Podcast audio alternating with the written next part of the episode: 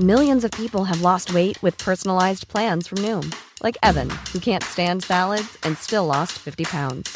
Salads, generally, for most people, are the easy button, right? For me, that wasn't an option. I never really was a salad guy. That's just not who I am. But Noom worked for me. Get your personalized plan today at Noom.com. Real Noom user compensated to provide their story.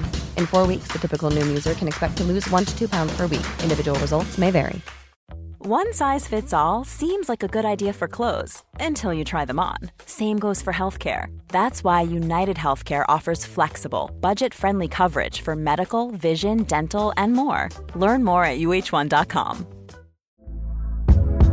Hey there, it's Michelle Norris. I'm host of a podcast called Your Mama's Kitchen. When I travel, I'm usually looking for a way to find a taste of home when I'm not at home. And one of the things I love to do when I am at home is entertain. And Airbnb allows me to do that. When I was in California recently, I rented a house that had a great kitchen. And when we were sitting around the table, we're all thinking, we're in someone else's house. Someone could be in all of our homes as well. If you have a home, but you're not always at home, you have an Airbnb. Your home might be worth more than you think. Find out how much at airbnb.com slash host. Veckans sponsor är Telia. Hos Telia samlar man mobil, bredband, IT-support, mobilväxel, allt som gör företagande enkelt. Och det är just det här att samla allt på ett ställe, att ha någon att vända sig till när det inte fungerar, det är Telia. Ett exempel på vad som inte är Telia, det är ju som när jag lyckas boka förmötet för en poddinspelning med Finansinspektionen till efter själva inspelningstillfället. Eller när jag här, här året var liksom, fick för mig att jag skulle börja springa, så jag är liksom ute och springer taggad, träffar en kompis som säger så du Jan, på måndag ska jag springa ett lopp. Och jag känner så här, ja men det låter inspirerande, så jag käkar pasta, jag byter om, tar mig ner till Malmö stadion för att göra en efteranmälan, står där i kön och sen så när jag liksom anmäler mig så tittar de på mig och säger så här, du Jan, vårhuset är bara till för kvinnor. Och eh, det var, det var typisk en situation som inte är Telia. Oavsett, ett stort tack till Telia som sponsrar, gör Rika Tillsammans möjligt, men framför allt tack till dig som lyssnar, följer och eh, hänger med oss varje vecka. De som investerade i en indexfond eller fondrobot under 2021 hade ett fantastiskt börsår med en avkastning på mellan 20 och 30 procent.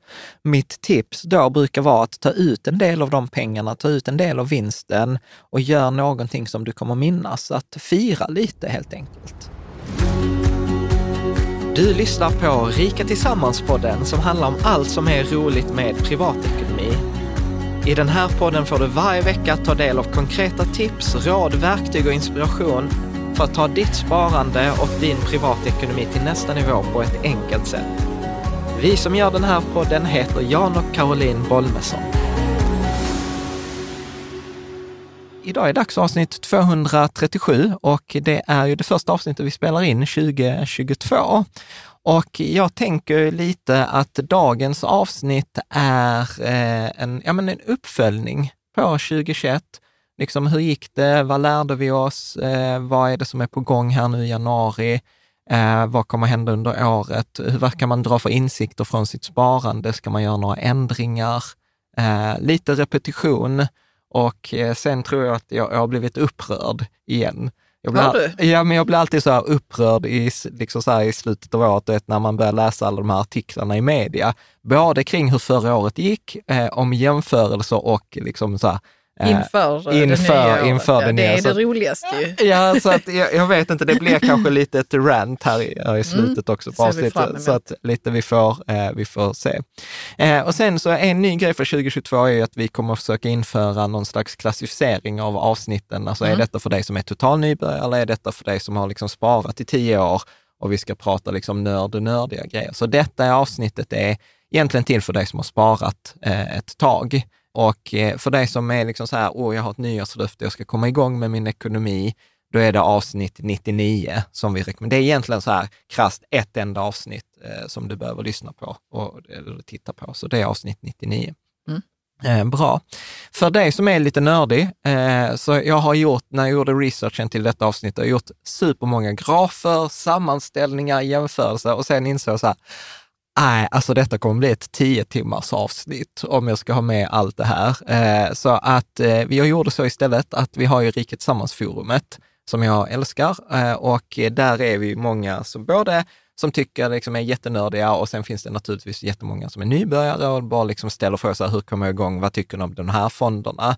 Men för oss som är lite nördiga så har jag publicerat fyra artiklar inför den här som är då hur har eh, Lysa-portföljerna gått i detalj? Alltså så här nedbrutet på räntor, aktier, hållbart, brett alternativ. Mm. Eh, Rika Tillsammans-portföljen, där är grafer allt från årsavkastning till eh, max drawdowns. Eh, ja, men så här, man kan nörda. Så att i beskrivningen till avsnittet så finns där eh, länkar till de här fyra stycken eh, vad ska man säga, fördjupningsartiklarna. Men vad har du mer för fördjupningsartiklar? Du hade nybörjarportföljen där också och ja, globala alla, barnportföljen. Ja, men vi har ju, vi har ju sedan 2014 har vi ju haft typ eh, tre stycken modellportföljer. Att mm. Vi har ju haft då eh, globala barnportföljen som är typ 100 procent aktier, högst risk, högst avkastning. Nybörjarportföljen som är en sån här medelportfölj, typ hälften hälften balanserad.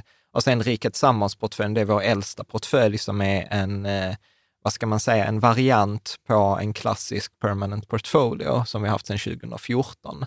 Eh, så då har vi liksom gjort portföljrapporter. Vi kommer ta upp lite kort i, i detta avsnitt, men den som vill liksom säga så här, hur gick det från start, hur gick det 2020, hur har det gått år för år, nyckeltal mm. etc. Kolla i forumet och där är redan diskussion eh, om, om det. Så det är det första, att det finns info i forumet. Och det går superbra att ställa andra frågor. Vi har till och med diskuterat så här fråga, en av mina favoritfrågor, så här, Eh, hur gammal är du? Vad är du stolt över att ha åstadkommit i ditt liv och vad är kvar att göra? Så att där är, där är mycket roligt, inte bara ekonomi. Och sen är, brukar jag alltid få frågor, för att de senaste åren, så här i början av ett nytt år, så har vi alltid publicerat ett antal artiklar som är typ så här, bästa fonderna 2022, ombalansering, det vill säga ett uppdatering av portföljerna, eh, kom igång med sparandet. Alla de artiklarna kommer komma, precis som vanligt. Men jag kan faktiskt redan nu säga att förändringarna för dig som har haft, liksom satt igång ett sparande förra året, kommer vara marginella om någon. Så att man behöver liksom inte sitta och vänta så här, oh, jag ska inte börja spara förrän bästa fonderna 2022 kommer ut. Nej. Ta och titta på listan bästa fonderna 2021, också finns länk i beskrivningen. Det kommer vara, alltså flera av portföljerna, vi har, vi har haft den diskussionen i forumet också, kommer vara identiska.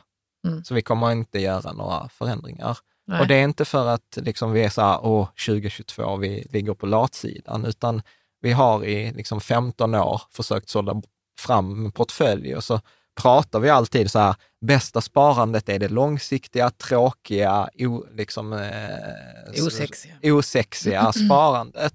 Och, och, en portfölj som man valde förra året har vi sagt att denna ska hålla i tio år. Ja, så varför ska man då göra någonting? så att det var väldigt verkligt så här, ja men eh, nu kom helt nya fonder. Ja, men det har också kommit nya fonder väl? Mm, men, ja, men ingen som är men, intressant. Nej. Ingen som okay. är intressant. Så att, mm. så att, men det kommer, så att bara häng med oss de kommande veckorna. Det var därför vi också haft många intervjuer nu i december, för att vi har haft bara liksom, ja men vi, vi klarar av alla intervjuerna och liksom så kan vi göra de här egna avsnitten nu i, i januari. Eh, och sen så kommer mycket fokus, detta är en liten så här cliffhanger, är ju att eh, vi har ju börjat också i forumet, alltså det är mycket av så här samskapandet sker i forumet, börjat en diskussion kring nya så här Rika Tillsammans-ramverket. Jag tror inte ens du och jag har pratat så mycket om det, men Nej, ja, men det är mycket man får reda på här i podden. Kan du inte berätta? Jo, men, men i korthet så är det så att det är vissa principer i, i sparande som, som finns och som vi har drivit i tio år. Men som jag inser så här, de här principerna funkar jättebra när vi höll på att komma igång med sparandet eller när vi var i liksom get rich-fasen. Men när man sen byter fas till exempel till stay rich eller man är mm. väldigt ung eller väldigt gammal, eh, då funkar inte de här principerna liksom, utan de funkar för majoriteten. Men sen plötsligt, om inte vissa förutsättningar är uppfyllda, så blir det knökigt. Och det framkom väldigt mycket i forumet och då började vi liksom titta, okej, okay, men hur kan vi göra regler som alltid är sanna? Hur kan vi göra saker som alltid fungerar? Så att det är mycket diskussion nu kring det och jag känner mig superinspirerad nu att inför i år uppdatera allt det här, allt från du kommer igång i sparande, så här, beroende vilken fas du är, och kanske fortfarande komma med konkreta tips, men även ge kanske lite mer förslag på frågor. Detta är en intressant fråga att ställa sig och den frågan kommer sen få olika svar beroende på om du är ung, gammal eller mitt i livet. Eller så. Ja, men ska det vara någon slags eh, sån tidslinje i livet? Eller, du nej, vet, nej, det... Eh, och så är det så hur mycket pengar du har på i aktien. Nej, eller men... förstår du vad jag menar? Var prickar man in sig? Liksom? Ja, men lite så. Typ lite, så, äh... lite så är tanken, att vi kommer göra några modeller. Men vi behöver inte, nej, vi behöver vi inte gå in på det. Men, nej. men där finns mycket tankar eh, kring, kring, kring mm, det där. Det kan vara jätteskönt faktiskt att veta vart man befinner sig och vart man, vill vara, vart man är på väg kanske med sin ja. ekonomi. Ja. Ja, precis. Att, att säga att liksom typfallet, man kanske inte alltid passar in på typfallet, att man är liksom man 42 år, har 60 000 kronor. Liksom. Nej, man kan också vara man 42 år och, och inte ha någonting alls. Liksom, och tänka så, okej, okay, men nu så vill jag göra något annat. Ja, jag vill ja. Eh, komma till någon annan ja. liksom, platå. Ja, men exakt. Mm. exakt. Bra, så att det var väl lite uppsättningen inför, inför avsnittet. Och sen precis som vanligt så vill jag passa på att liksom tipsa, var länge sedan vi tipsade om vår Riket Tillsammans-community mm. på Patreon. Eh, där har vi liksom extra avsnitt. Vi fokuserade under hösten på alternativa investeringar som komplement till sitt sparande i indexfonder. Lite så här vi pratar om hur fuskar man på marknaden? Alltså mm. hur utnyttjar man marknadsineffektiviteter? Vi har föreläsningar varje, varje månad som inte kommer upp på bloggen och vi kommer faktiskt några av oss försöka göra, om det går, göra en resa till Berkshire Hathaway i, i USA i maj. Ja. Så att, Buffetts så, årsstämma. årsstämma ja, är det. Precis. Så att där händer liksom så att det är lite, lite community, lite, ja men väldigt, väldigt roligt. Och det är inte bara för nördar. Eh, liksom forumet Nej, bra att du säger det, för det kan kännas lite som att man kanske måste kunna så mycket. Nej, nej. nej. Utan tänk på också så här, vi som kan mycket, vi gillar att hjälpa till. Så att man kan liksom nybörja mer välkomna. Bra, då tänker jag att vi hoppar in i dagens eh, avsnitt. Eh, och det första som jag tänkte att vi behöver prata om, som ligger lite till grund, är att vi pratar ju mycket om index.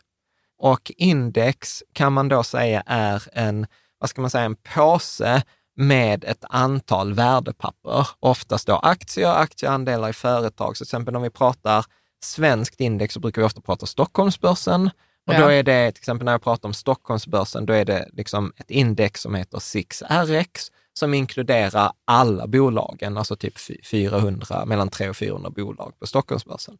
Sen finns det ett index som heter MSCI World, som då inkluderar liksom alla bolag, eh, liksom, eller ska modellera alla bolag i alla branscher i hela världen. Problemet är att detta indexet MSCI World togs fram på typ eh, liksom för många år sedan och eh, då innehåller det mer eller mindre bara västvärlden. Mm. Eh, och detta är relevant då för att vi kommer att prata om när, hur gick 2021, så kommer vi att prata om hur gick Stockholmsbörsen, hur gick då MSCI World och sen kommer vi också prata om något då som heter MSCI ACVI, som heter MSCI All Country World Index. För att MSCI World, som då ska vara hela världen, det exkluderar tillväxtmarknader. Så det exkluderar Kina, det exkluderar Korea, det exkluderar Taiwan, det exkluderar Indien som är liksom mm. snart världens mest befolkningsrika land. Och eh, här på nu, i, för dig som tittar på Youtube, du kan se den här liksom världskartan. Hur är fördelningen av olika länder? För dig som bara lyssnar, det går bra att bara lyssna vidare eller så kan du titta på bildspelet som finns också som en länk i anslutning till det. Så att jag anser, liksom forskningen säger ju väldigt tydligt och vår investeringsfilosofi är så här, investera i alla bolag i hela världen, i alla branscher och i alla storlekar, så billigt, så långsiktigt och så regelbundet som möjligt. Och då är det liksom då viktigt att jämföra, liksom så här, vad är det vi tittar på när vi jämför utveckling? Okej, okay? makes sense? Absolut. Eh, bra. Och jag anser ju, ju bredare desto bättre. Så jag tycker det, det mest relevanta när, när vi investerar, så försöker vi investera så brett som möjligt. Och då är det också värt att komma ihåg att eh, Sverige, alltså den totala Stockholmsbörsen, står för ungefär 1 procent av det totala börsvärdet. USA står för ungefär 50 procent. Så mm. investerar man 100 kronor i en sån här MSCI World eller ACVI, så kommer du få ungefär 50 kronor i, i USA eh, en krona i Sverige, sju kronor i Japan, fem kronor i Storbritannien, alltså fördelat på hur stora börserna är. Så om vi tittar på det, eh, hur det gick förra, så var det ett bra börsår där MSCI World, alltså då det här världen exklusive tillväxtmarknader, eh, gjorde ungefär 35 procent. Eh, hela världen inklusive tillväxtmarknader gjorde ungefär 31 procent. Mm. Tittar vi på Stockholmsbörsen så gjorde den 39 procent, eh, vilket är ju liksom fantastiskt eh, bra. Och, och eh, detta, varför vi, varför vi lägger fokus på det här med tillväxtmarknader, exklusive tillväxtmarknader, är för att våra portföljer och Lysa inkluderar tillväxtmarknader. Och om vi tittar på till exempel Sverige gick 39 procent, så gick tillväxtmarknaderna bara 7 procent. Så att tillväxtmarknaderna förra året var ett sänke på ja, att investerade man liksom i tillväxtmarknader förra så fick man sämre än om man hade exkluderat dem och bara lagt allt i Västeuropa och USA. Ja, det är lite trist ja. ändå, för man tänker ju att, att tillväxtmarknader, då ska det liksom ge en extra svung. Liksom. Exakt. Men, Men okay. för, förra, året, förra året så var det ju eh, då till exempel tvärtom. Då bidrog Vänta, till... 2020 var ja. det tvärtom? Ja, precis. Mm. Så, så att det, det är liksom här viktigt, eh, viktigt att veta. Så att, men det man kan komma ihåg, alla länder inklusive tillväxtmarknader 31 procent, eh, världen exklusive tillväxtmarknader 35, Sverige 39 procent. Ja, och det kan man egentligen kanske inte förklara. Vadå? Vadå förklara? Eh, man kanske kan förklara med att det och det hände i, i Kina, eller jag vet inte. Nej, men vi men har... ibland går det inte att förklara sådana siffror. Nej, men alltså det är väl alltså så här, börsen har, är, har varit på bra humör. Det har varit ett fantastiskt börsår. Sen, sen att försöka bryta ner det, det är ju alltid liksom klurigt. Techbolagen har ju haft en jättestor tillväxt som har drivit upp USA.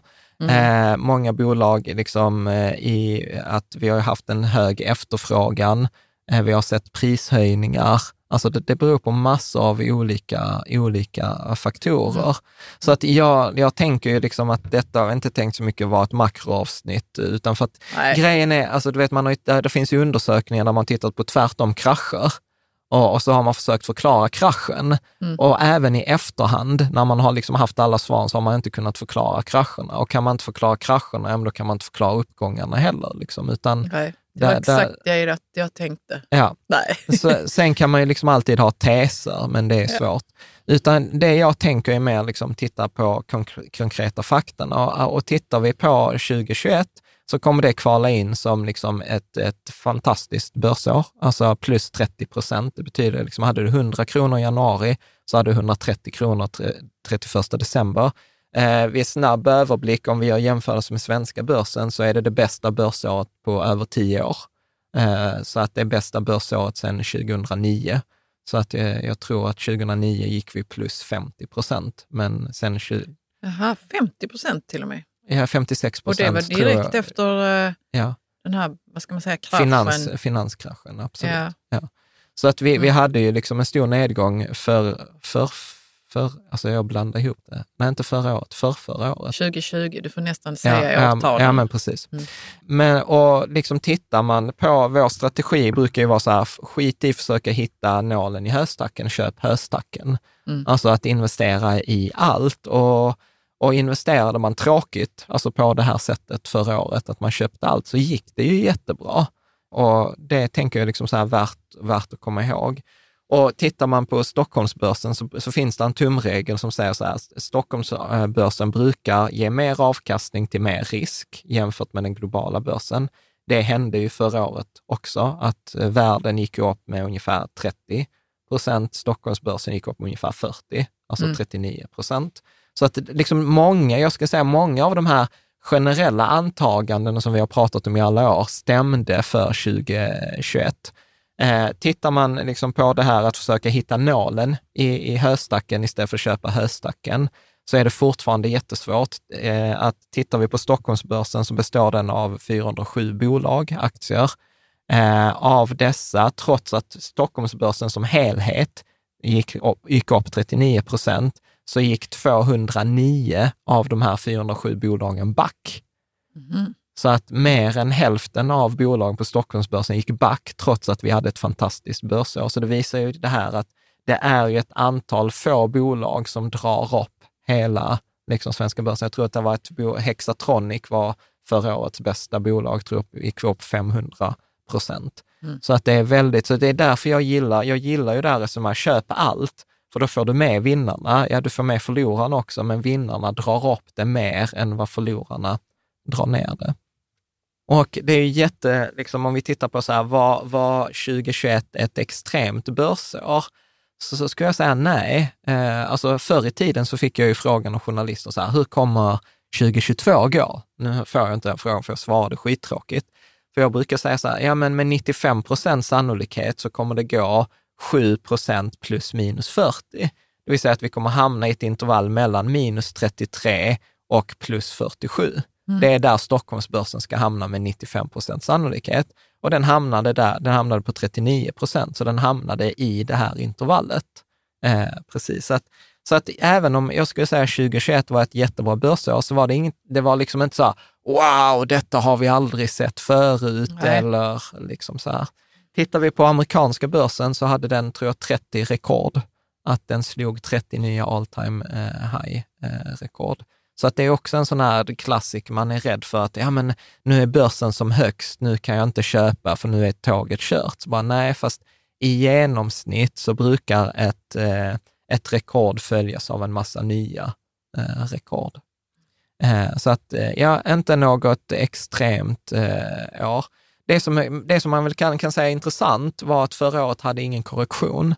Att de flesta år, vi kommer att prata lite om det, har ofta en korrektion på ungefär 10 procent inom året. Eh, kan du inte bara säga vad korrektion är? Det när det har, att det liksom- backar, liksom, alltså en nedgång på 10 procent. Så korrektion är alltid nedgång? Ja, Eller? ja, mm. eh, precis. Okay. Eh, så att man till exempel, ja, men säg att börsen går upp eh, liksom 20 procentenheter, sen backar den 10 procentenheter och sen går den kanske upp 14 procentenheter. Så att börsen går ju inte bara liksom upp, upp, upp, upp, utan mm. går upp, ner, upp, ner, upp, ner. Mm. Och då brukar man ha, liksom, de senaste tror jag 50 år eller 40 år, så har vi nästan haft en minus 10 någon gång under året, alla år. Men det hände inte förra året, utan det var så här, jag tror största, största månads eh, tillbakagången var typ 6 procent. Mm. Så att det har varit, alltså det varit ett väldigt gemytligt år att investera 2021. Eh, liksom på det att det gick, det gick upp för det mesta. Du sitter och småler lite. Nej, jag bara tänker på det att man, har så, man, är, man värderar liksom inte det Nej. direkt. Så, Nej. För, kanske i efterhand eller ja. när det går ner och man säger så här, men det, ja. 2021 var ett bra men sen har det ju gått ner skitmycket. Förhoppningsvis så blir det inte så. Men förstår ja. du, man värderar ju inte det när man är i det. Liksom. Nej, nej, nej. Nej, men precis, precis. Mm. Eh, och sen så blir det liksom lite repetition, eh, för att jag tycker att detta är så viktigt att komma ihåg. Så att det jag har framför mig nu som jag visar, det är en graf för då Stockholmsbörsen eh, på en 12 månaders sparhorisont. Det vill säga att man investerar pengarna 1 januari och har dem till 31 december. Vad har det då gått? Ja, men 2021 investerade du 100 kronor i Stockholmsbörsen i januari så hade du 139 kronor i, i slutet av december, om du köpte höstacken. Mm. Och, och, här också, jag brukar, brukar nu, nu blir det lite nördigt, men jag, jag tycker oftast att det är mer intressant att jämföra med fonder än jämföra med index, för att det är svårt att få ett index, men det är ganska enkelt att köpa en fond. Och när jag pratar om Stockholmsbörsen och man tänker, ja men hur gör jag för att köpa alla bolag på Stockholmsbörsen? Ja men då finns det en fond som heter Plus alla bolag Sverige och den heter plus alla bolag, just för att den ska innehålla. Sen har SEB har också en fond som heter SEB Sverige Index. Så att då, det är hur man får den här avkastningen, så det är inget teoretiskt vi pratar om. Men i alla fall, så denna grafen går från 1870 till 2000 och visar då alla år. Om du investerade i 100 kronor i januari, hur mycket hade du haft då i slutet av året? Och Eh, jag vet inte Karo, om du vill, vad är din, för den som inte ser grafen, vad skulle, hur skulle du beskriva den? Nej, men det är massa små staplar som sticker både upp och ner, främst upp. Ja. Och det finns ingen korrelation mellan någon av Nej. staplarna känns det som. Nej. Nej, utan så här, jag tror 99, investerade 100 kronor i januari 99, så hade du 170 kronor i december 99. Invester... Men får vi säga att en, en stapel är ett år? Ett år, ja. Hur det har gått på ja, ja, men precis. Mm. Och vad man kan säga så här, ja vi har ju fler staplar som går upp, men vi har, ganska, vi har en del staplar som går ner. Alltså börsen 2008 till exempel gjorde minus 40 procent. Så att börsen, även om vi pratar om, och vi kommer att prata om i detta avsnitt också, att börsen gör i genomsnitt 7 procent per år, så är det inte att varje år blir 7 procent, utan förra året blev ju 39 procent. Året innan 2020 blev ju då 14 procent. Året dessförinnan blev ju typ 25 eller 30 procent också. Så att eh, jag brukar säga så här att när, när man tittar på eh, den, den svenska börsen så har den de senaste åren varit väldigt, väldigt bra. Och, och jag tycker inte att man ska liksom se att den kommer gå så bra de kommande tio åren som den har gått de senaste tio åren. För tittar man på snittet till exempel, eller medianavkastningen för ett enskilt år, sedan 1870 på den svenska börsen har legat på nästan 10 procent, 9,9 procent. Men om vi tar bara de senaste tio åren så är det ju 14,8 procent, nästan 15 procent. Och då kan man ju tycka så här, men spelar det någon stor roll, 10 eller 15 procent? Ja, där finns ju en så här klassisk tumregel som säger så här att dela 72 med procenten så får du åren då pengarna dubblas. Mm. Och tar du 72 delat på 10, ja då dubblas pengarna vart sjunde år.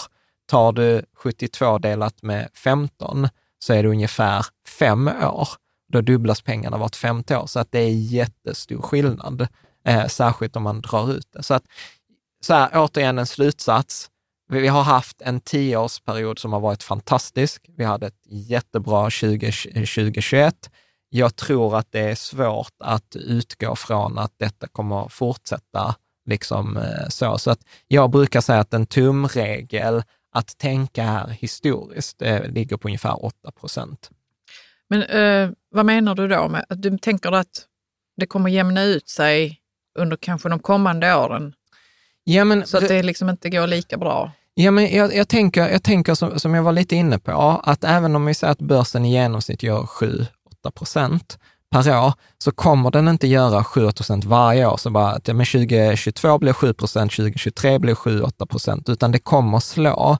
Och eh, här har jag gjort en visualisering där jag tagit alla år mellan 1980 och 20, 2021 och sen har jag liksom då staplat åren beroende på vilket intervall har de hamnat i.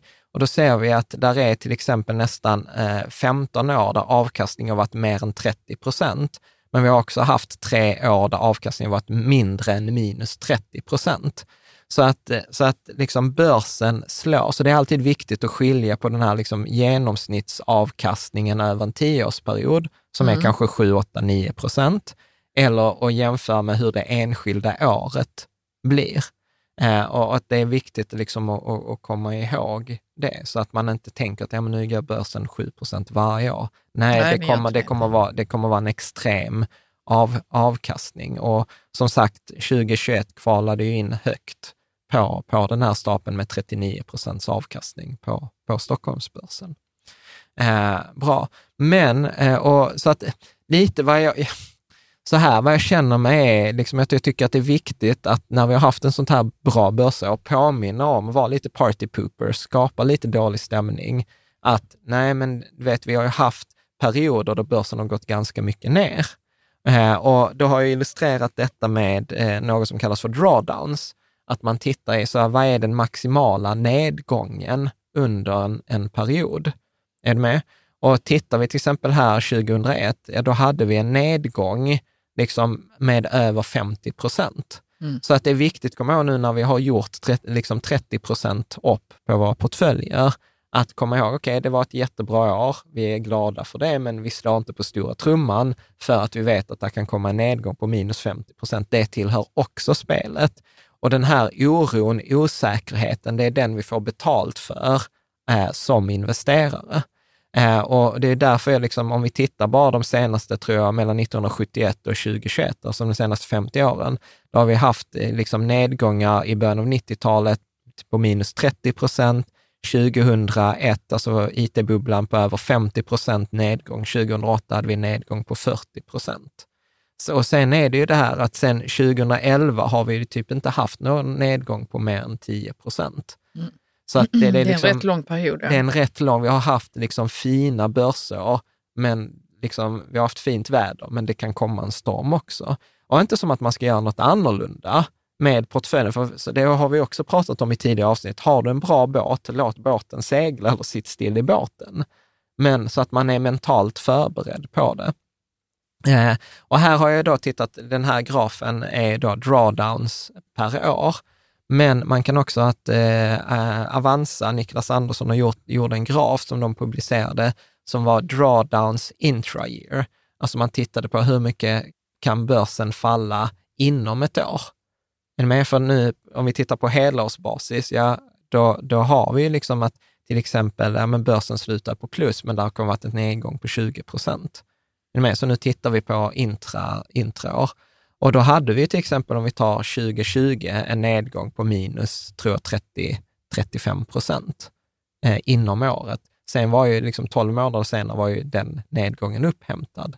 Men det är liksom värt att komma ihåg att vi har de här eh, nedgångarna. Mm. Vad tänker du? Eh, du ser, är, är jag tråkig? Nej, Nej jag, jag tänker att jag nog inte förstår det här intraår. Jag, ibland måste jag bara titta lite längre på det. Och liksom... ja. Nej, men jag tänker så här, okay, men säg att januari, du har liksom hela januari går uppåt. Var, mm. Varje vecka går uppåt. Yeah. Och så ligger du ja. på, säg plus 50 procent, för det ska vara enkelt att räkna. Sen går februari, minskar liksom med 10 procentenheter. Mars minskar med 10 procentenheter. Är du med? Då har du 20 procents drawdown.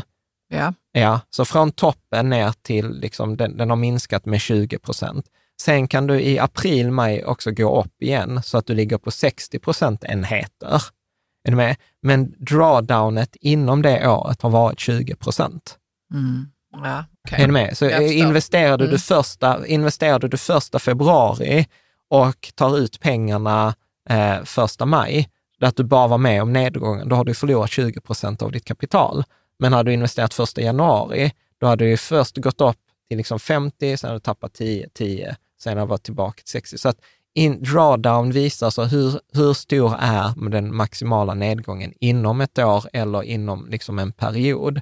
Och i det förra exemplet, när jag sa minus 50 procent, då jämförde jag år på år, en basis. Nu jämför vi inom, isolerat inom ett år. Vi säger ingenting vad året slutade på. Nej, utan vi säger nej. bara så här, vad, vad, har nedgången varit inom året? Men varför vill vi veta det? Varför vi vill veta? För att komma ihåg att även ett år när vi gick plus 39 och när vi har haft de här tio åren av uppgång, att komma ihåg, det kommer komma nedgångar. Vi vet inte när de kommer komma, men att det är liksom värt att ha höjd för att inte tänka att ja, men börsen går bara, bör, bara upp. Mm. Så att jag är lite partypooper, att jag pratar om det som inte är så kul. Men jag, jag, upplever att det ger mer värde att prata om det som inte är så kul än bara så här, åh, det var fantastiskt, titta hur bra eh, liksom evolution gick, eller kolla hur bra det går. Eh, och sen finns det liksom mer grafer på, på bloggen och i forumet, för, för man kan titta, okej, okay, hur gick, eh, till exempel den här grafen visar amerikanska börsen, hur slutade året, men vad var den maximala nedgången? Och då ser vi till exempel att 2021 slutade på plus 27, men vi var som lägst ner minus 5. Tittade vi på 2020, då slutade helåret på 16 procent plus. Är det med att liksom investerade vi 100 kronor i januari, så i december hade de varit värda 116, men någon gång under året var de värda, lite slarvigt, 66 kronor. Mm. Är det med? Så att mm. återigen, viktigt, eh, viktigt att komma ihåg. Och, och varför jag tjatar om det här är för att jag vill komma fram till poängen att tiden är fortfarande den bästa liksom, vännen vi har. Att om vi följer då forskningen och säger så här, vi köper höstacken, vi köper alla bolag i hela världen, i alla branscher, i alla sektorer, i alla storlekar, liksom, så kommer tiden vara liksom den, vår viktigaste faktor. För att den kommer, som jag kommer att visa här, den kommer att jämna ut avkastningen, så att avkastningen kommer att hamna runt de här 7-8 procenten. Och den kommer också öka sannolikheten för att det går plus. Eh, liksom. Problemet är att när vi pratar om spara långsiktigt, är att det är väldigt klurigt. Att de flesta, där kommer nu en rapport från Pensionsmyndigheten som bland annat kritiserade fondrobotar lite och då kritiserar de det utifrån så här tidshorisont, att det är svårt att ta fram tidshorisont. Min tanke var så här, fast tidshorisont är ju inte specifikt för fondrobot, det är ju jättesvårt. Alltså det är ganska lätt för de flesta av oss att säga så, okej, okay, men de här utgifterna eller den här resan, det kommer jag ha inom de kommande två åren.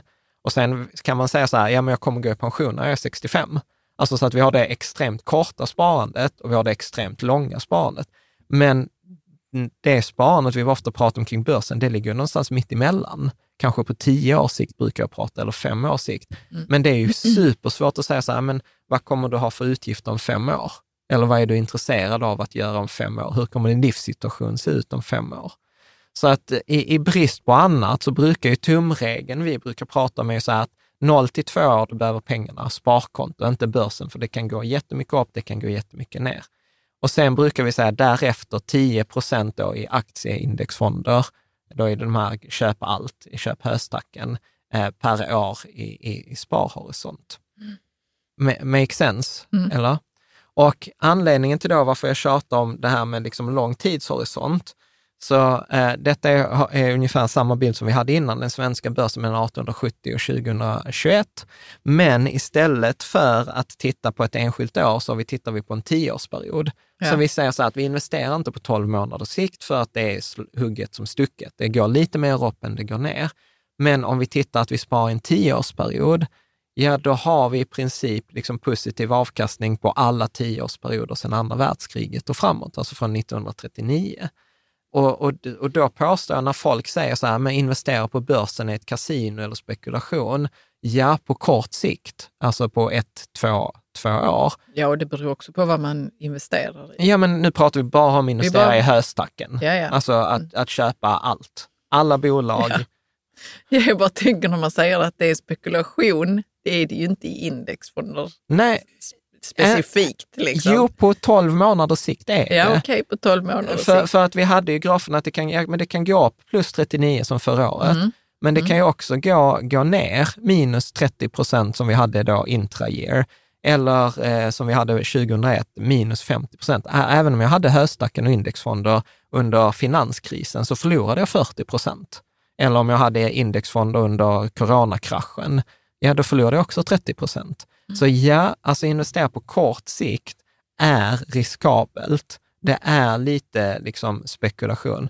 Men om jag lägger på år, om jag lägger på tio år, så, så kommer jag liksom ha med stor sannolikhet gå plus. Och det kan illustreras i en annan graf som jag också tog fram, att om du investerar på 12 månaders sikt, då har du ungefär 70 procent sannolikhet att gå plus. Inte hur mycket du tjänar, bara att gå plus. Du förlorar inte pengar. Investerar du däremot på fem års sikt, ja då ökar sannolikheten från 77 procent till 90 procent. Eh, investerar du i tio år istället för ett år, så ökar sannolikheten för att gå plus från 77 procent till 94 procent.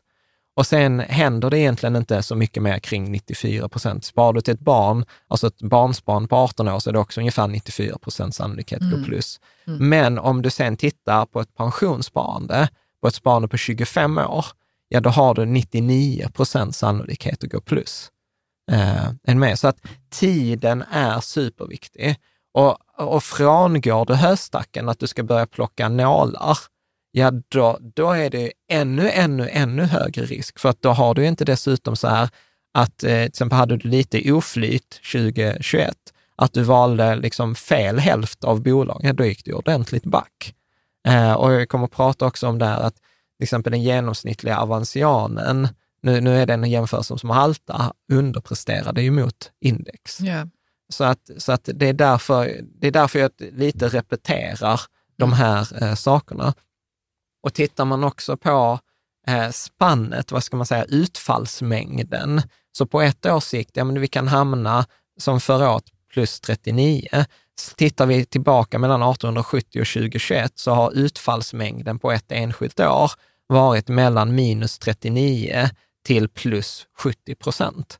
Så att liksom på, investerar du på ett år så kommer du hamna någonstans mellan minus 39 plus 70 procents avkastning.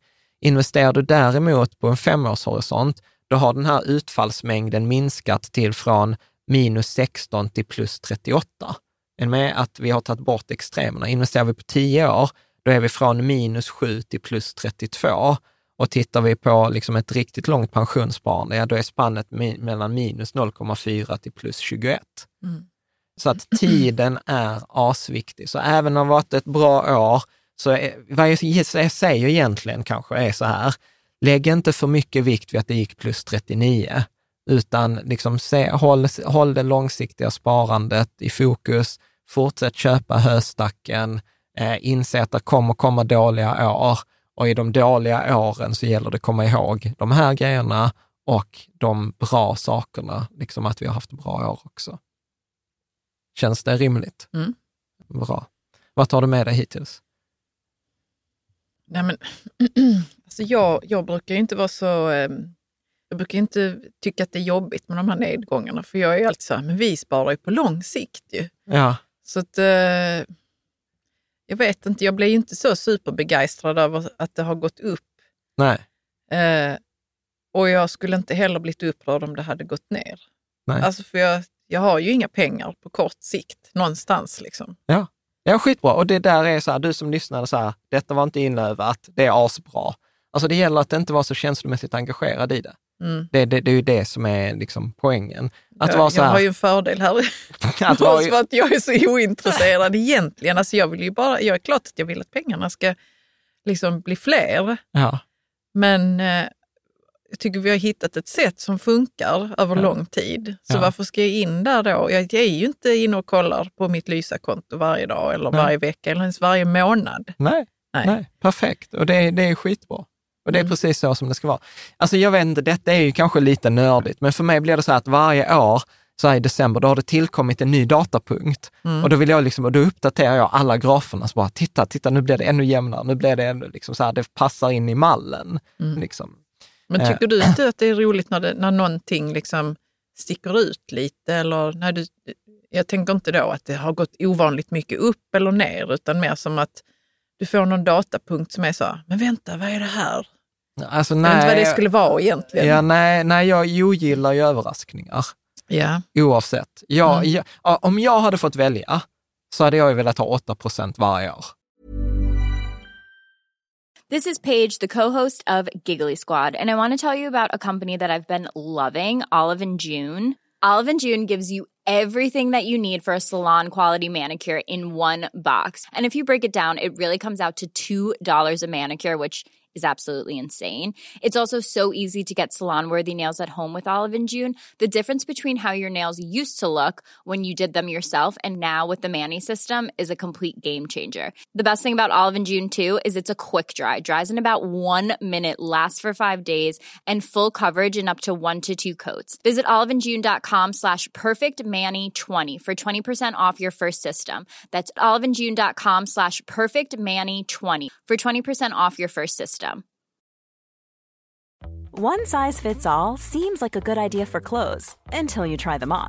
Same goes for healthcare. That's why United Healthcare offers flexible, budget friendly coverage for medical, vision, dental, and more. Learn more at uh1.com. Many of us have those stubborn pounds that seem impossible to lose, no matter how good we eat or how hard we work out. My solution is PlushCare. PlushCare is a leading telehealth provider with doctors who are there for you day and night to partner with you in your weight loss journey. They can prescribe FDA-approved weight loss medications like Wagovi and Zepbound for those who qualify. Plus, they accept most insurance plans. To get started, visit plushcare.com slash weight loss. That's plushcare.com slash weight loss. Mm. Bara så bara, du får inte mer än 8 procent, du får inte mindre än 8 procent. Jag bara, absolut, jag hade till och med kunnat tänka mig 6 procent eller 5 procent. Mm. Om jag hade vetat att jag får 5 procent så hade jag bara kunnat ta bort osäkerheten. Men, eh, men så funkar det ju inte, utan som sagt, vi får ju osäkerheten och eh, illamåendet i nedgång är ju det vi betalar för. Alltså, eh, Men låt säga att det går ner då 50 procent 2022. ja. Mår du Vilket, dåligt vilket då? positivt avsnitt detta blev. Nej, men mår du dåligt då? ja, jag hade mått lite dåligt då. Men du vet ju att det går upp. ju. Ja, men det spelar Alltså under en lång tidsperiod Ja. så är... Ja. Vad garvar du åt? Nej, jag bara tänker så. åh, vi sitter ju här och pratar om att det jämnar ut sig under en längre Jo, men, tidsperiod. Caroline, men, men, ta, men ta eh, coronakraschen. Det är nog för att du är så intresserad. Det är ja. nog därför. Ja, men ta under coronakraschen. Ja. Bara, nu har vi ju pengar mycket på Lysa och Mm. liksom lite på Nordnet och lite på Avanza och, och lite så här blandat. Men kom du ihåg när vi loggade in på Avanza-kontot och där stod minus liksom 700 000? ja. Det, Ja, ja, det var inte kul. Nej. Men kommer du ihåg att jag inte hetsade upp mig så mycket? Ja, ja, jag vet. Ja, men du är ju ointresserad. De flesta av oss som lyssnar jag på detta. Jag är inte ointresserad av att förlora 700 000. Det är jag inte. Nej. Men jag kan liksom inte hålla Jag vet inte vad jag ska göra, utan jag tänker så, ja, det finns inget att göra för mig här nu, utan det är bara att rida ut det här. Liksom. Ja, ja, ja precis. Så och därför så kunde jag, min puls gick inte upp så mycket. Nej. Det är klart ja. jag tänkte på det sen, 700 000 minus, ja, det är inte och, roligt. Och det var bara Avanza? ja, visst. Um, men eh, sen så, sen så gick jag inte in och kollade mer på det. Nej, liksom. nej, nej jag vet. Nej, och, och, och, och grejer. Men så här, du är ju lite, lite clueless kring de grejerna. Och, och, och, här i detta fallet... På ett positivt sätt. Och jag det... känner att det är en, en, en seger för mig att vara clueless. Ja, och det är det, ja. för det var dit jag var på väg, att det är en framgångsfaktor. Mm. Liksom. Mm. Det är en framgångsfaktor att inte vara känslomässigt kopplad till sin, till sin portfölj. Mm. Ja, ja, absolut. Eh, mm. Men om vi då pratar med mig som är känslomässigt kopplad till min portfölj, eller till våra portföljer, så har jag då, liksom, hur har våra modellportföljer idag gått? Och om vi då jämför, för här gäller det också när man jämför sina portföljer till sparande, så gäller det att jämföra äpplen med äpplen. Eh, för att det är så lätt, som vi också kommer att prata om, att mixa upp det och jämföra fel. Men tittar vi då på till exempel globala barnportföljen, det var ju en portfölj vi tog fram 2017 när, vi skrev, när jag skrev boken Den här Gör ditt barn rikt, därav globala barnportföljen. Och namnet kommer från att den köper allt globalt, liksom, och det är en långsiktig portfölj. Eh, och det är 80 procent aktier, 10 procent guld, 10 procent bankkonto. Och eh, här då, om vi gör en lite orättvis jämförelse eh, med Lysa, så globala barnportföljen gjorde 29 procent, vilket är ju så här med tanke på att den bara innehåller 80 procent, att ligga i närheten av... Då, 80 procent aktier. 80 procent aktier ju. Ja. Är med? Så att det är som att du bara gasar 80 procent av vad du hade kunnat gasa. Mm. Men trots att du bara gasade 80 procent så kom du upp i 29 procent. Du med? Mm. Ja, och eh, liksom den globala börsen inklusive tillväxtmarknaden, för vi har med tillväxtmarknader, kommer du ihåg, den gjorde 31 procent. Mm. Mm. Så trots att vi bara gasade 80 procent kom vi upp i nästan samma resultat. Mm. Så att jag är liksom superstolt eh, över den portföljen, gjorde 29 procent. Om man hade då Lysa, eh, 100 procent aktier, här skulle jag naturligtvis jämfört med 90 procent aktier, men ja, man kan räkna ner det så gick, så gick eh, Lysa 100 procent aktier 30 procent. Så att eh, Lysa köper ju allt, eh, liksom köper ju också hela höstacken i, i, vad ska man säga, alla bolag i alla länder, inklusive tillväxtmarknaderna. Så att det är inte så konstigt att den gick som då till exempel SPP Aktiefond Global eller det MSI ACVI-indexet. Så 30,3 procent. Så att eh, hade du mycket aktier så hamnade du runt 30 procent. Hamnade du runt 30 procent så skulle du vara supernöjd.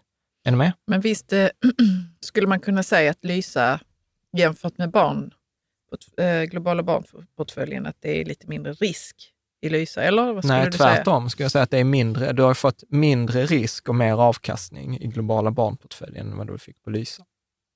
Det är ju det som är slutsatsen. Varför är det så? Det är ju 80 procent aktier i den. Ja, men för att du hade guld och bankkonto. Ja visst är det guld också i den. Ja, ja. Det så. avgör saken.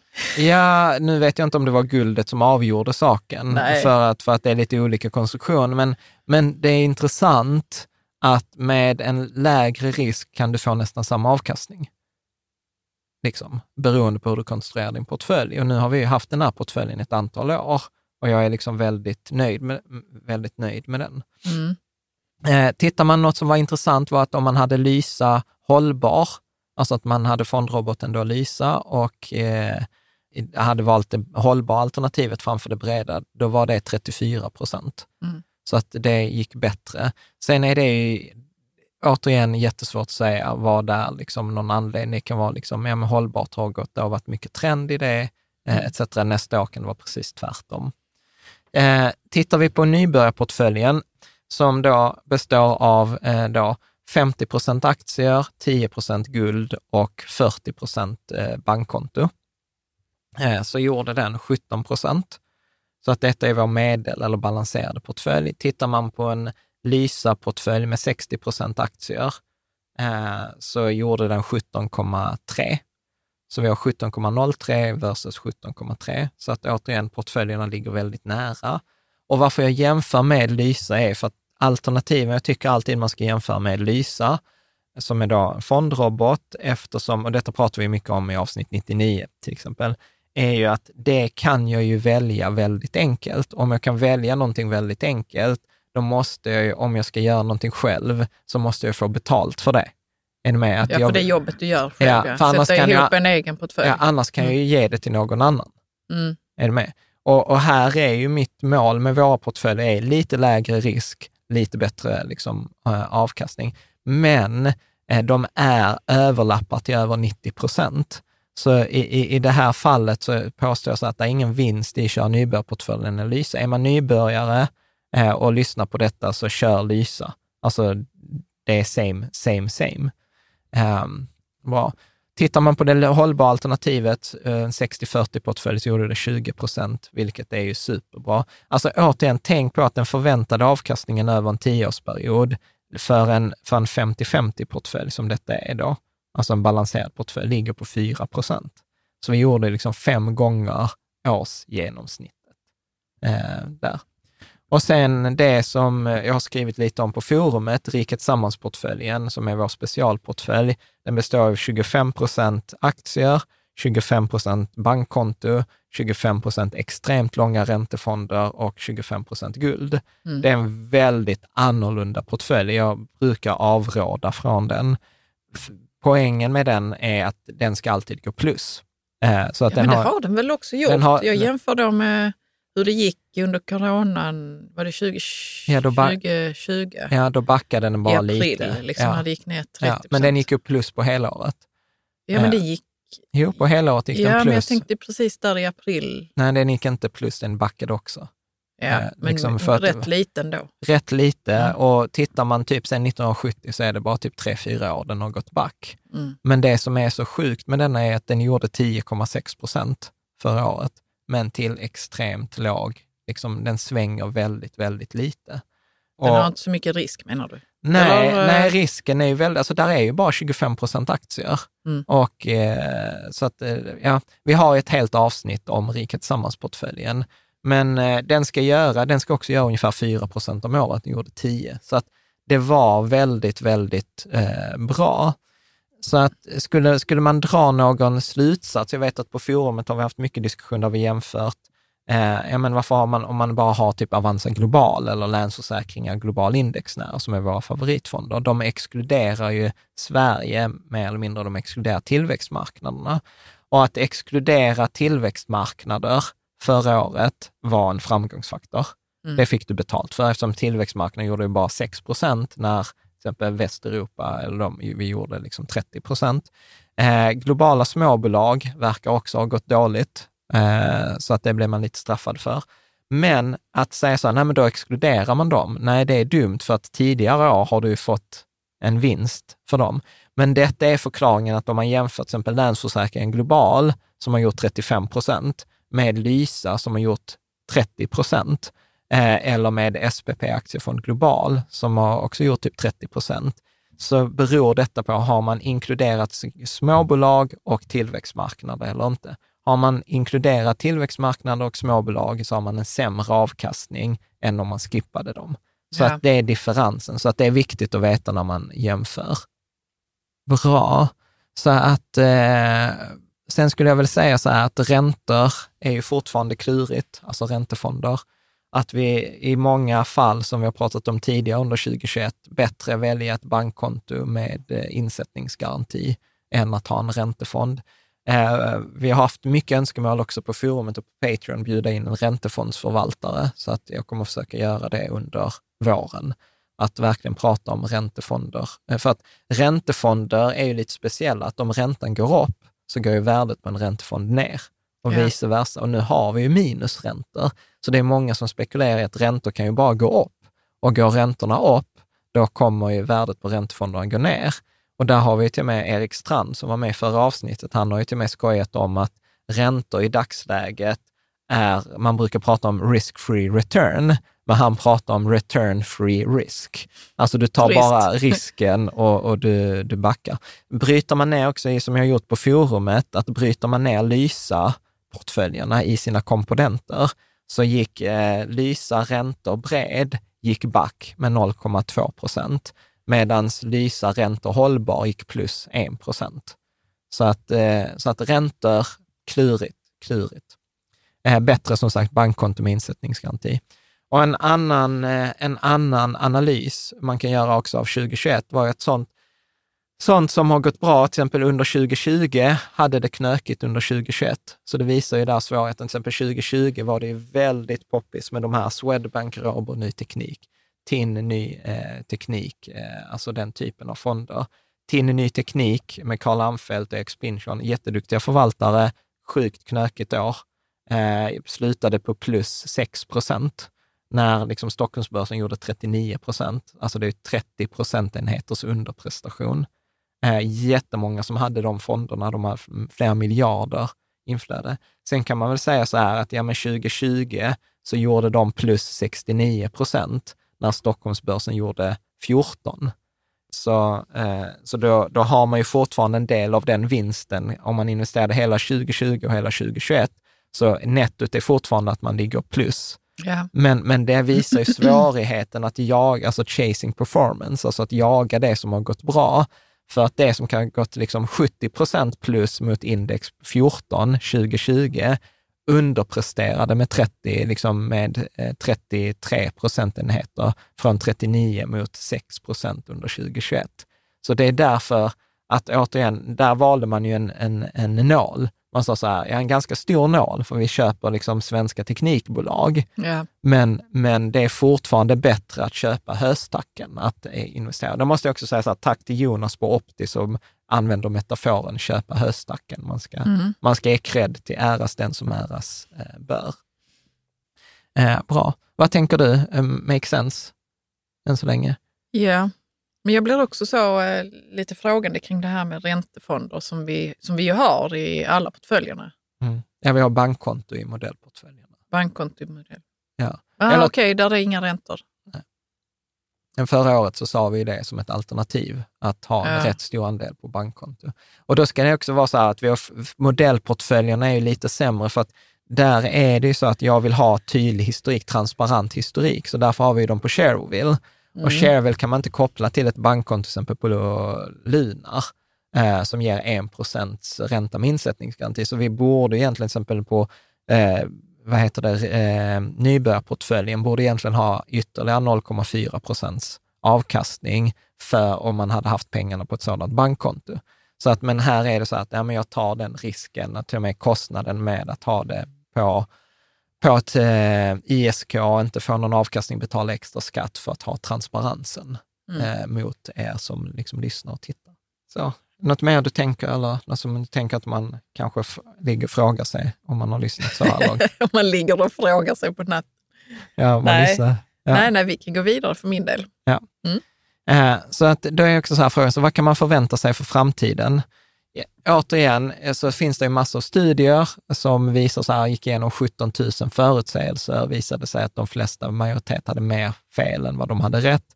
Eh, vi har en hel artikel som eh, vi brukar säga så här att eh, du får mer rätt att singla slant än om du lyssnar på en expert. Så att jättesvårt att säga. Så jag brukar, jag brukar tänka att korrekt svar är att börsen kommer gå 7 procent plus minus 40, alltså mellan, någonstans mellan minus 33 och plus 47 med 95 procents sannolikhet.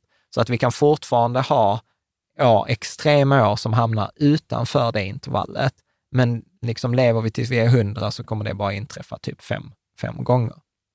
Så att eh, jag brukar liksom tänka att om man då har då höstacken aktier, inte enskilda aktier utan alla aktier enligt de här principerna vi pratat, så kan man väl räkna ungefär 7 procent i genomsnitt.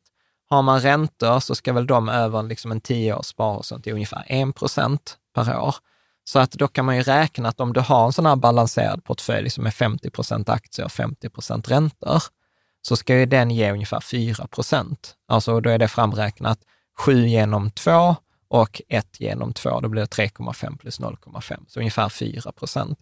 och detta är ju eh, liksom till exempel någonting, apropå det här riktsammansramverket, någonstans där vi såg att det inte fungerade var om man hade väldigt mycket pengar.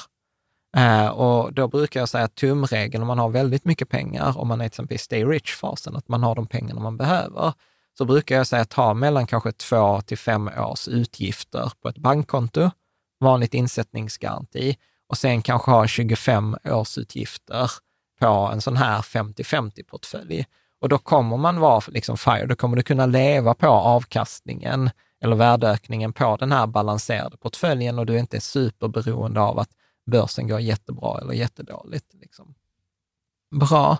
Och sen, sen ska vi då säga en brasklapp återigen för att skapa dålig stämning. Eh, vill, man, vill man må riktigt dåligt eh, kring hur börsen kommer gå framgent så finns det ju något som heter Hussman Funds, alltså en amerikansk fond som heter Hussman, H-U-S-S-M-A-N. Det finns lite länkar på forumet.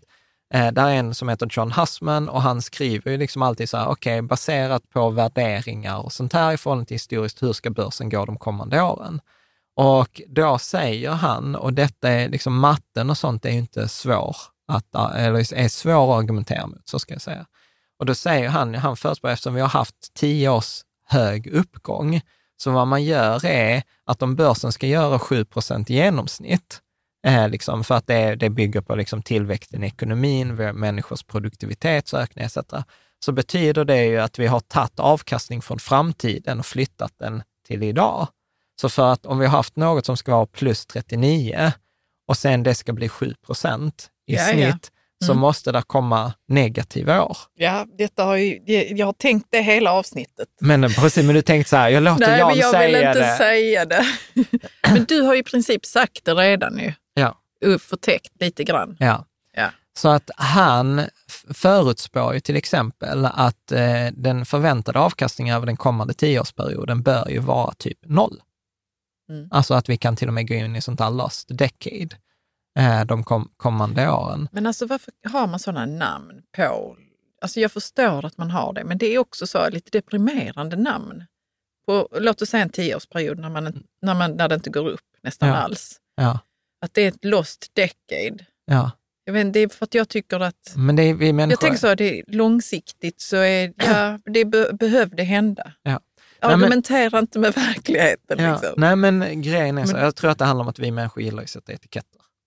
Alltså så vill vi liksom... Ja, ja, och det är jag helt okej okay med, men det är en trist etikett. Ja, ja. Varför kan man inte säga att det är en sån här eh, åt, vad ska man säga, återställningsdecennium? Ja. Eller, jo, men det, det kallar det också the great reset. Är det ju många som ja, pratar om precis, att... Ja. Men jag tycker mm. inte the great reset låter bättre äh, än än lost Det låter decade. bättre än the, uh, the lost ja. decade. Ja, eller the everything bubble är det ju vissa som pratar om också.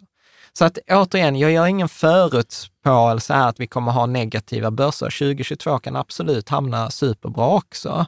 Men att återigen, att försöka som du var lite känslomässigt frikopplad från det, vara medveten och ta höjd för det. Att om det har liksom varit ett bra år, liksom, ja, men, liksom minska risken, ta hem en del av vinsten. Vi kommer att prata ja, men lite bra om att du tips säger det. Bra att du eh, säger det. liksom kring, kring det där. Eh, och, och, att, och att veta att det finns människor som har en annan åsikt. Eh, liksom. Och jag, jag, tror inte John Hussman har rätt, alltså han har ju haft fel de senaste tio åren. Alltså han skriver varje månad. Jag skriver att han snart har jag rätt. Ja. Det ökar sannolikheten för varje gott år att jag har rätt. Sannolikheten för att vi kommer närmare en börskrasch ökar absolut för varje år. Och, och, men sen ska man vara lite taskig mot sådana som honom, så kan man säga att även en klocka som är sönder har ju rätt två gånger, går, går ju rätt två gånger om dagen. Så att, men, men det går inte att bygga en strategi på det heller, utan jag tror att man behöver ha en strategi som, ja men jag har en båt och denna båten, den kan segla när det är bra väder, men den kan segla när det är dåligt väder också, så att man inte bara har en bra båt, så här, vet, i bästa fall om liksom, där ligger palmblad på vägen och änglarna sjunger Hosianna och liksom så här, då funkar min strategi. Nej, precis. Jag vill inte själv vara rädslodriven. Nej. Så det är klart man kan ta hem en del av vinsten och så och tänka att det kan komma lite sämre tider. Men man kan också bara skita i det va? och bara gå vidare i livet med Alltså Ja, bara låta det gå liksom, ja, alltså, i sin eh, ja, jag skulle fondrobot. Ja, nej, men jag, skulle, jag skulle säga så här, Alltså så här, om jag ska sammanfatta, har du, har du en bra båt, det vill säga att du har någon av våra modellportföljer, du har Lyse eller du har Opti eller du har en global indexfond. Alla de är bra båtar. Går inte ens säga vilken av de båtarna som är bäst. Alla de båtarna är bra, för du har köpt höstacken på något sätt. Mm. Okej, okay. låt den segla. Sen, sen säger jag så här, kontrollera att du har buffert. Alltså det vill säga kontrollera att båten är i bra skick, att du kan lämna båten om det skulle behövas ett tag och låta den driva. Liksom. Nu känner jag att metaforen är på väg att spara ja, ut. Men, men, men att du, du har en buffert, alltså att du klarar så att när vår portfölj, till exempel på Avanza-portfölj, var back 700 000, så var det ju inte som att vi inte hade mat på bordet. Nej, nej, vi hade ju, vi, vi hade ju fortfarande vår buffert, ja. vi hade vår ekonomi. Det är också därför som jag kunde vara frikopplad. Ja, ja. exakt. Så det, det är liksom viktigt. Sen tycker jag så här, när vi har haft bra börsår, liksom så här, det är, alltså, jag minns inte så här, Caroline, vad var avkastningen, utvecklingen 2017? Ingen aning. Är du med? Däremot, om jag skulle säga så här, Caroline, kommer du ihåg när vi var i Thailand? Är du med? Mm. Det mm. minns vi. Så, så därför tänker jag, brukar jag säga så här, men fira, gör någonting som du kommer minnas om tio år. Ta ut en del, alltså säg nu att till exempel vi gjorde plus, du gjorde plus 30 procent, om du hade det, eller plus 20 procent. Ta ut, beroende på hur stor din portfölj är, några procent av den där vinsten och omvandla den till energi. Det vill säga omvandla den till ett minne. Omvandla den till, gå på en middag eller gå på bio eller gör en resa till Thailand eller gör någonting. Sen på en av de grejerna som, som jag tar med mig i 2022 är så att jag kommer använda en del av våra vinstpengar för att åka på den här, om vi får till den här resan till USA, till Berkshire Hathaway. Att det är så, jag har alltid tänkt att fan, jag, jag har liksom min investerarkarriär har i 20 år överlappat med Warren Buffett, som är en av världens mest kända och bästa investerare. Det vore ju liksom tusan om man inte kunde liksom säga att jag var på hans stämma. Sen är det ju allt svårt med corona och omikron och, och allt det där. Ja, men, men det är väl också ett, eh, en upplevelse kan jag tänka mig. Ja, framförallt det handlar inte bara om att uh, kunna säga att man har varit där, utan Nej. det kommer nog vara rätt så mycket i kring. Liksom. Ja, vi, vi är på, det, man på kommer få insikter och man kommer prata med andra som är med. Ja, framförallt, liksom, så, framförallt så bara från Riket Sammans-communityn. Vi är ju ett gäng därifrån. Ja. Och jag bara så här, fan vad ball att vi kommer vara liksom 10-15 pers som åker på denna stämman liksom, tillsammans. Ja. Det är någonting som man kommer minnas, eller jag kommer minnas resten livet, oavsett hur det blir. Liksom. Sen är det ju massa risker med det där återigen. Corona och gubben är ju 90. Eh, alltså, ma ja. massa sånt. Men skitsamma, poängen var, ta ut en del av vinsten eh, och fira. Och jag brukar säga så här, har, har du gjort en vinst, ja men ta ut 10-20 procent av vinsten. Uh, inte 10-20 procentenheter av din portfölj, alltså 10-20 av vinsten. Mm. Och sen beroende på hur mycket det är absolut belopp, ja men anpassa firandet. Sen kan man ju dessutom ha vissa firanden, behöver ju inte ens kosta något. Alltså så att uh, man kan ju liksom, ja, hitta på något. Men, mm. men fira, liksom så här, fira, fira, fira, liksom omvandla så att du får ut någonting av detta. Detta brukar jag säga till exempel när min bror spelade poker, eller han spelar fortfarande poker, väldigt duktig. Men när han hade sin första session, så tjänar han ganska mycket pengar. Så men du vet, köp någonting, du vet, så att du har något konkret från den här perioden du har spelat poker och tjänat pengar. Eh, liksom så att, eh, för det kommer du minnas mycket, mycket mer. Mm. Sen tror jag, liksom, som vi har pratat om i ett av de här avsnitten, så här, måla din, eh, tänk om ekonomi är penseln du målar ditt liv med. Eh, att välja ett område, detta har inget med din portfölj att göra, utan detta är så här ekonomiskt nyårslöfte för 2022 så är det många som är så här, ah, jag ska ta bättre hand om mig, jag ska spara mer, jag ska ja. sänka mina utgifter. Så här kommer mitt förslag på ekonomiskt nyårslöfte för 2022. Välj ett område i din ekonomi där du har koll på utgifterna och ökar dem. Okej? Okay? Välj ett annat område i din ekonomi där du har koll på utgifterna och minskar dem. Ja. Så att både öka utgifterna i ett område och minska dem i ett annat. That's it.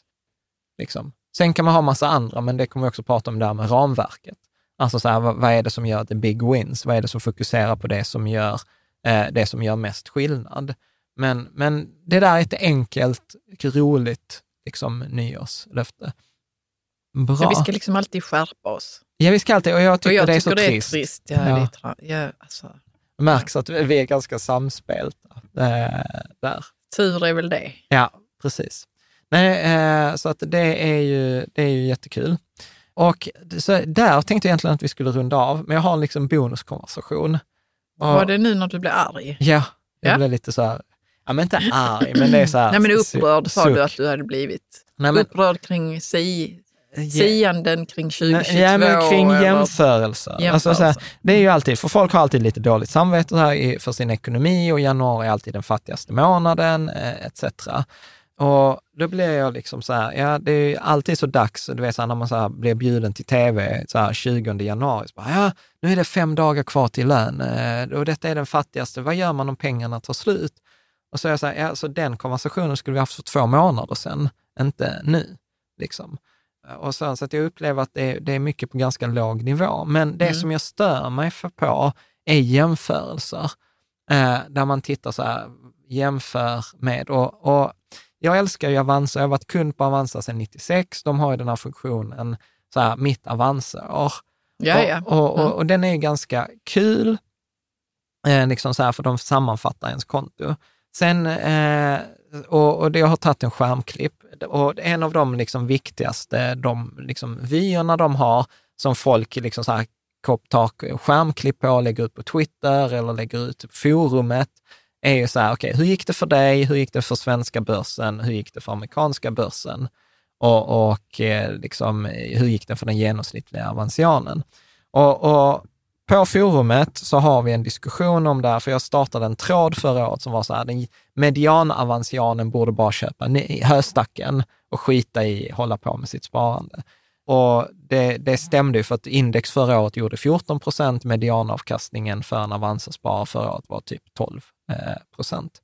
Men det som jag tycker är intressant här är att då jämför man då till exempel med Stockholmsbörsen OMXS30, eh, som är då de 30 liksom mest omsatta bolagen. Och då blir det så här, okej, okay, så då har de jämfört 30 bolag av 400, om än de största. Men de har inte jämfört alla bolag och nu vågar jag inte säga, nu blir jag osäker på om den dessutom innehåller utdelningar eller inte. Men jag tycker att det är mycket mer rimlig jämförelse jämfört med Stockholmsbörsen i form av 6RX, alltså som är alla bolag, eller nästan alla bolag. Och den gjorde ju inte 29 procent, utan gjorde 39 procent. Mm. Eh, så att det blir också väldigt så här, skev jämförelse. Jämför du liksom någonting som har 10 procentenheter mer eller mindre. Eh, sen är Avancianens snitt är ju också så här att det innehåller ju inte bara aktiefonder, utan det är sparkonton, räntefonder men du jämför med 100 procent aktier. Är du med? Så att det blir snett och samma sak, eh, man jämför med Dow Jones USA istället för kanske jämföra med globalfond eller så här. Så att det blir, det blir liksom snett. Och, och detta är ju till exempel, nu är Avanza ändå de bättre, alltså eh, bland de bästa i klassen. Går du till en vanlig bank så får du ingen jämförelse alls, utan då får du så här, oh, du hade ett jättebra år 2021. eh, din portfölj, ditt sparande så gick plus 20.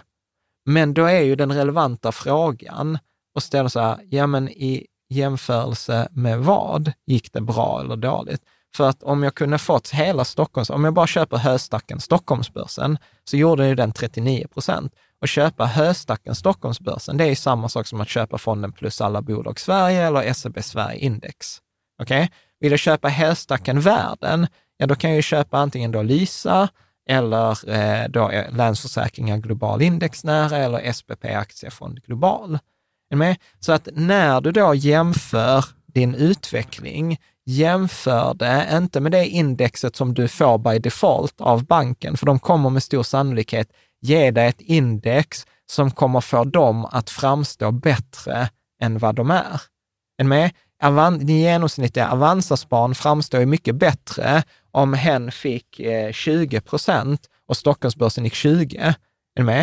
Eh, det är fortfarande dåligt, men det är bättre än att säga att genomsnittet Avanza gick 20 och Stockholmsbörsen gjorde 39.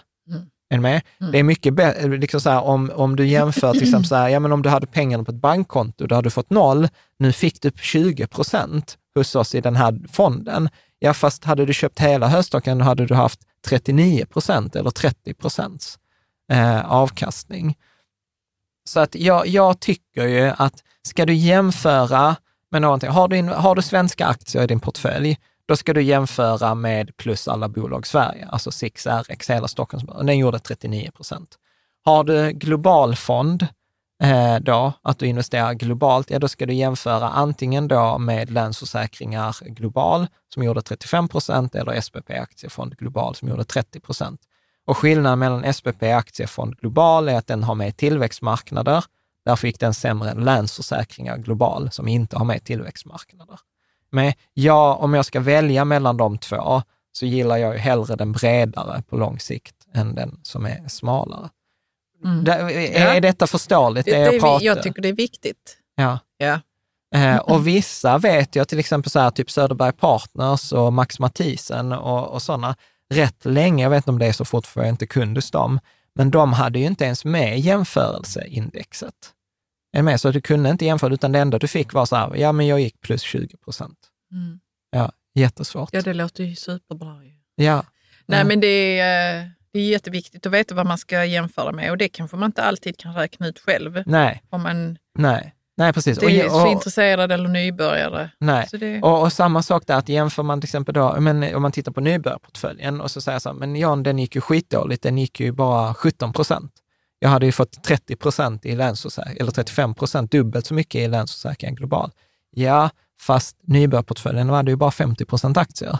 Så mm. att då måste du dela 35 procent med två för att jämföra rätt. Mm. Så, att det, det, så att jämförelser är klurigt. Jag hade ett längre rant kring detta kring förra året, men jag tänkte vi behöver inte återuppliva det, utan jag kan länka till den eh, avsnittet 184, där vi pratar om just det här med survivorship bias också.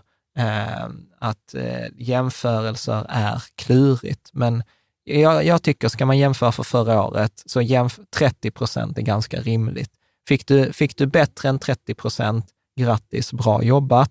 Eh, fick du mindre än 30 procent, titta på eh, liksom om det är jämförbart. Eh, och är det jämförbart att du hade till exempel 100 procent aktier, men du fick under 30 procent, så då hade jag verkligen tagit mig tiden och inventerat så här, vad, vilka antaganden gjorde jag som inte stämde? Hur ser min beslutsprocess ut? För som vi också pratat om i andra avsnitt, det viktiga är inte utfallet, det viktiga är beslutsprocessen. Mm. För att man kan ha rätt beslutsprocess och sen kan man ha otur. Yeah. Liksom. Som mm. till exempel i år, eh, beslutsprocessen att ha med tillväxtfonder är korrekt, men beslutet visade, utfallet visade sig vara fel. Med? Men det betyder inte att beslutsprocessen är fel och ska jag välja inför 2022 ha med tillväxtfonder eller inte, eller tillväxtmarknader eller inte, så kommer jag säga ha med tillväxtmarknader för att processen, beslutet är rätt. Sen kan jag inte bedöma det på utfallet. Nej. Eh, mm. Make sense? Mm. Bra. Eh, sen lämnar vi diskussionen huruvida Avanza bara borde ge sina kunder en indexfond eller inte. Det har vi en diskussion på, på forumet. Eh, värt att komma ihåg, eh, jag tror inte vi kommer ha möjlighet att göra en avsnitt kring det, här, men också en diskussion i forumet som vi har är JP Morgan släppte sin sån eh, Investor Outlook eller Market Outlook per 31 december. Och eh, då jämför de alltid också så här, okej, okay, hur har olika tillgångslag gått och hur har den genomsnittliga investeraren presterat? Eh, och det visar sig att den genomsnittliga investeraren ligger på ungefär 3 procent för perioden 2001, 2001 till 2020, medan amerikanska börsen ligger på 7,5 procent. Så att återigen, för de flesta, det är bara vatten på kvarnen. Liksom. Att köpa höstacken är bättre än att leta efter nålarna, hur man än vänder. Lite siffrorna från Avanza pekar på det. JP Morgans underlag visar på det. Vi har flera forskningsrapporter som, som pekar på det. Så att, ja, så att jag jag ska, och sen det bästa med pengar är ju så att du behöver inte välja antingen eller. Du kan mm. ju köra både och. Du kan mm. ju köra en portfölj med nålar och du kan ha en höstdacksportfölj. Liksom. Um, bra, Yeah. Det var väl det jag tänkte att vi skulle gå igenom eh, idag. Nästa vecka vet jag inte riktigt eh, vad det blir, men jag misstänker att det blir bästa fonderna 2022. Men som sagt, det kommer inte vara, man behöver inte sitta och avvakta, utan man kan kolla på 2021-listan, den kommer att stämma till 90-95 procent. Och samma sak veckan efter blir det ombalanseringsartikeln, men den kommer till stora drag vara samma som 20 21, så jag får till och med hitta någon twist. Annars kan vi inte prata så här, ja men nu pratar vi exakt samma som vi gjorde förra året. Eh, typ. Mm. Bra. Vad tog du med dig från dagens avsnitt? Um. Inget Jan, det var skittråkigt. Jo, nej, men det var, jag, alltså, jag kan inte alltid komma med ett eh, svar på en gång, men jag tänker att eh, både du och jag har väl pratat mycket på sistone om att vi vill uppleva lite mer kanske. Ja. Det där med att fira och ta ut lite av sin vinst, och, eller kanske inte ens behöva göra det, för mycket är gratis också här i världen. Ja. Vi vill ju ha kul liksom, ja. i livet. Det är ju det som pengar är till för. Ja. Men precis, att de ska användas. Mm. Ja, men snyggt. Och det är faktiskt en diskussion vi har i forumet. Mm. Du kan också hoppa in där. Jag kan mm. skicka tråden till Vad dig. Vad tog du själv med dig? Eh, nej, men att eh, liksom så här, planen höll även 2021. Alltså så här, antagande beslutsprocessen eh, korrekt. Liksom. Att, eh, ja, det är väl det, att, liksom att det extraordinära var nog att det inte var något som var extraordinärt. Det skulle jag väl säga. Och skittråkigt, men tråkigt är bra. Liksom. Smart sparande är inte spännande. Det är Nej. väl det som jag, som jag tänker. Mm.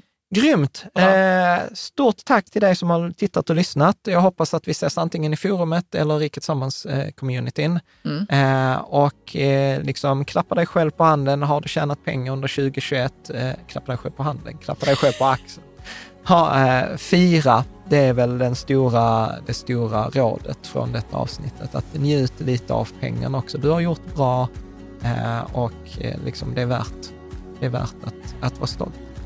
Så att, tack så mycket och så ses vi nästa vecka.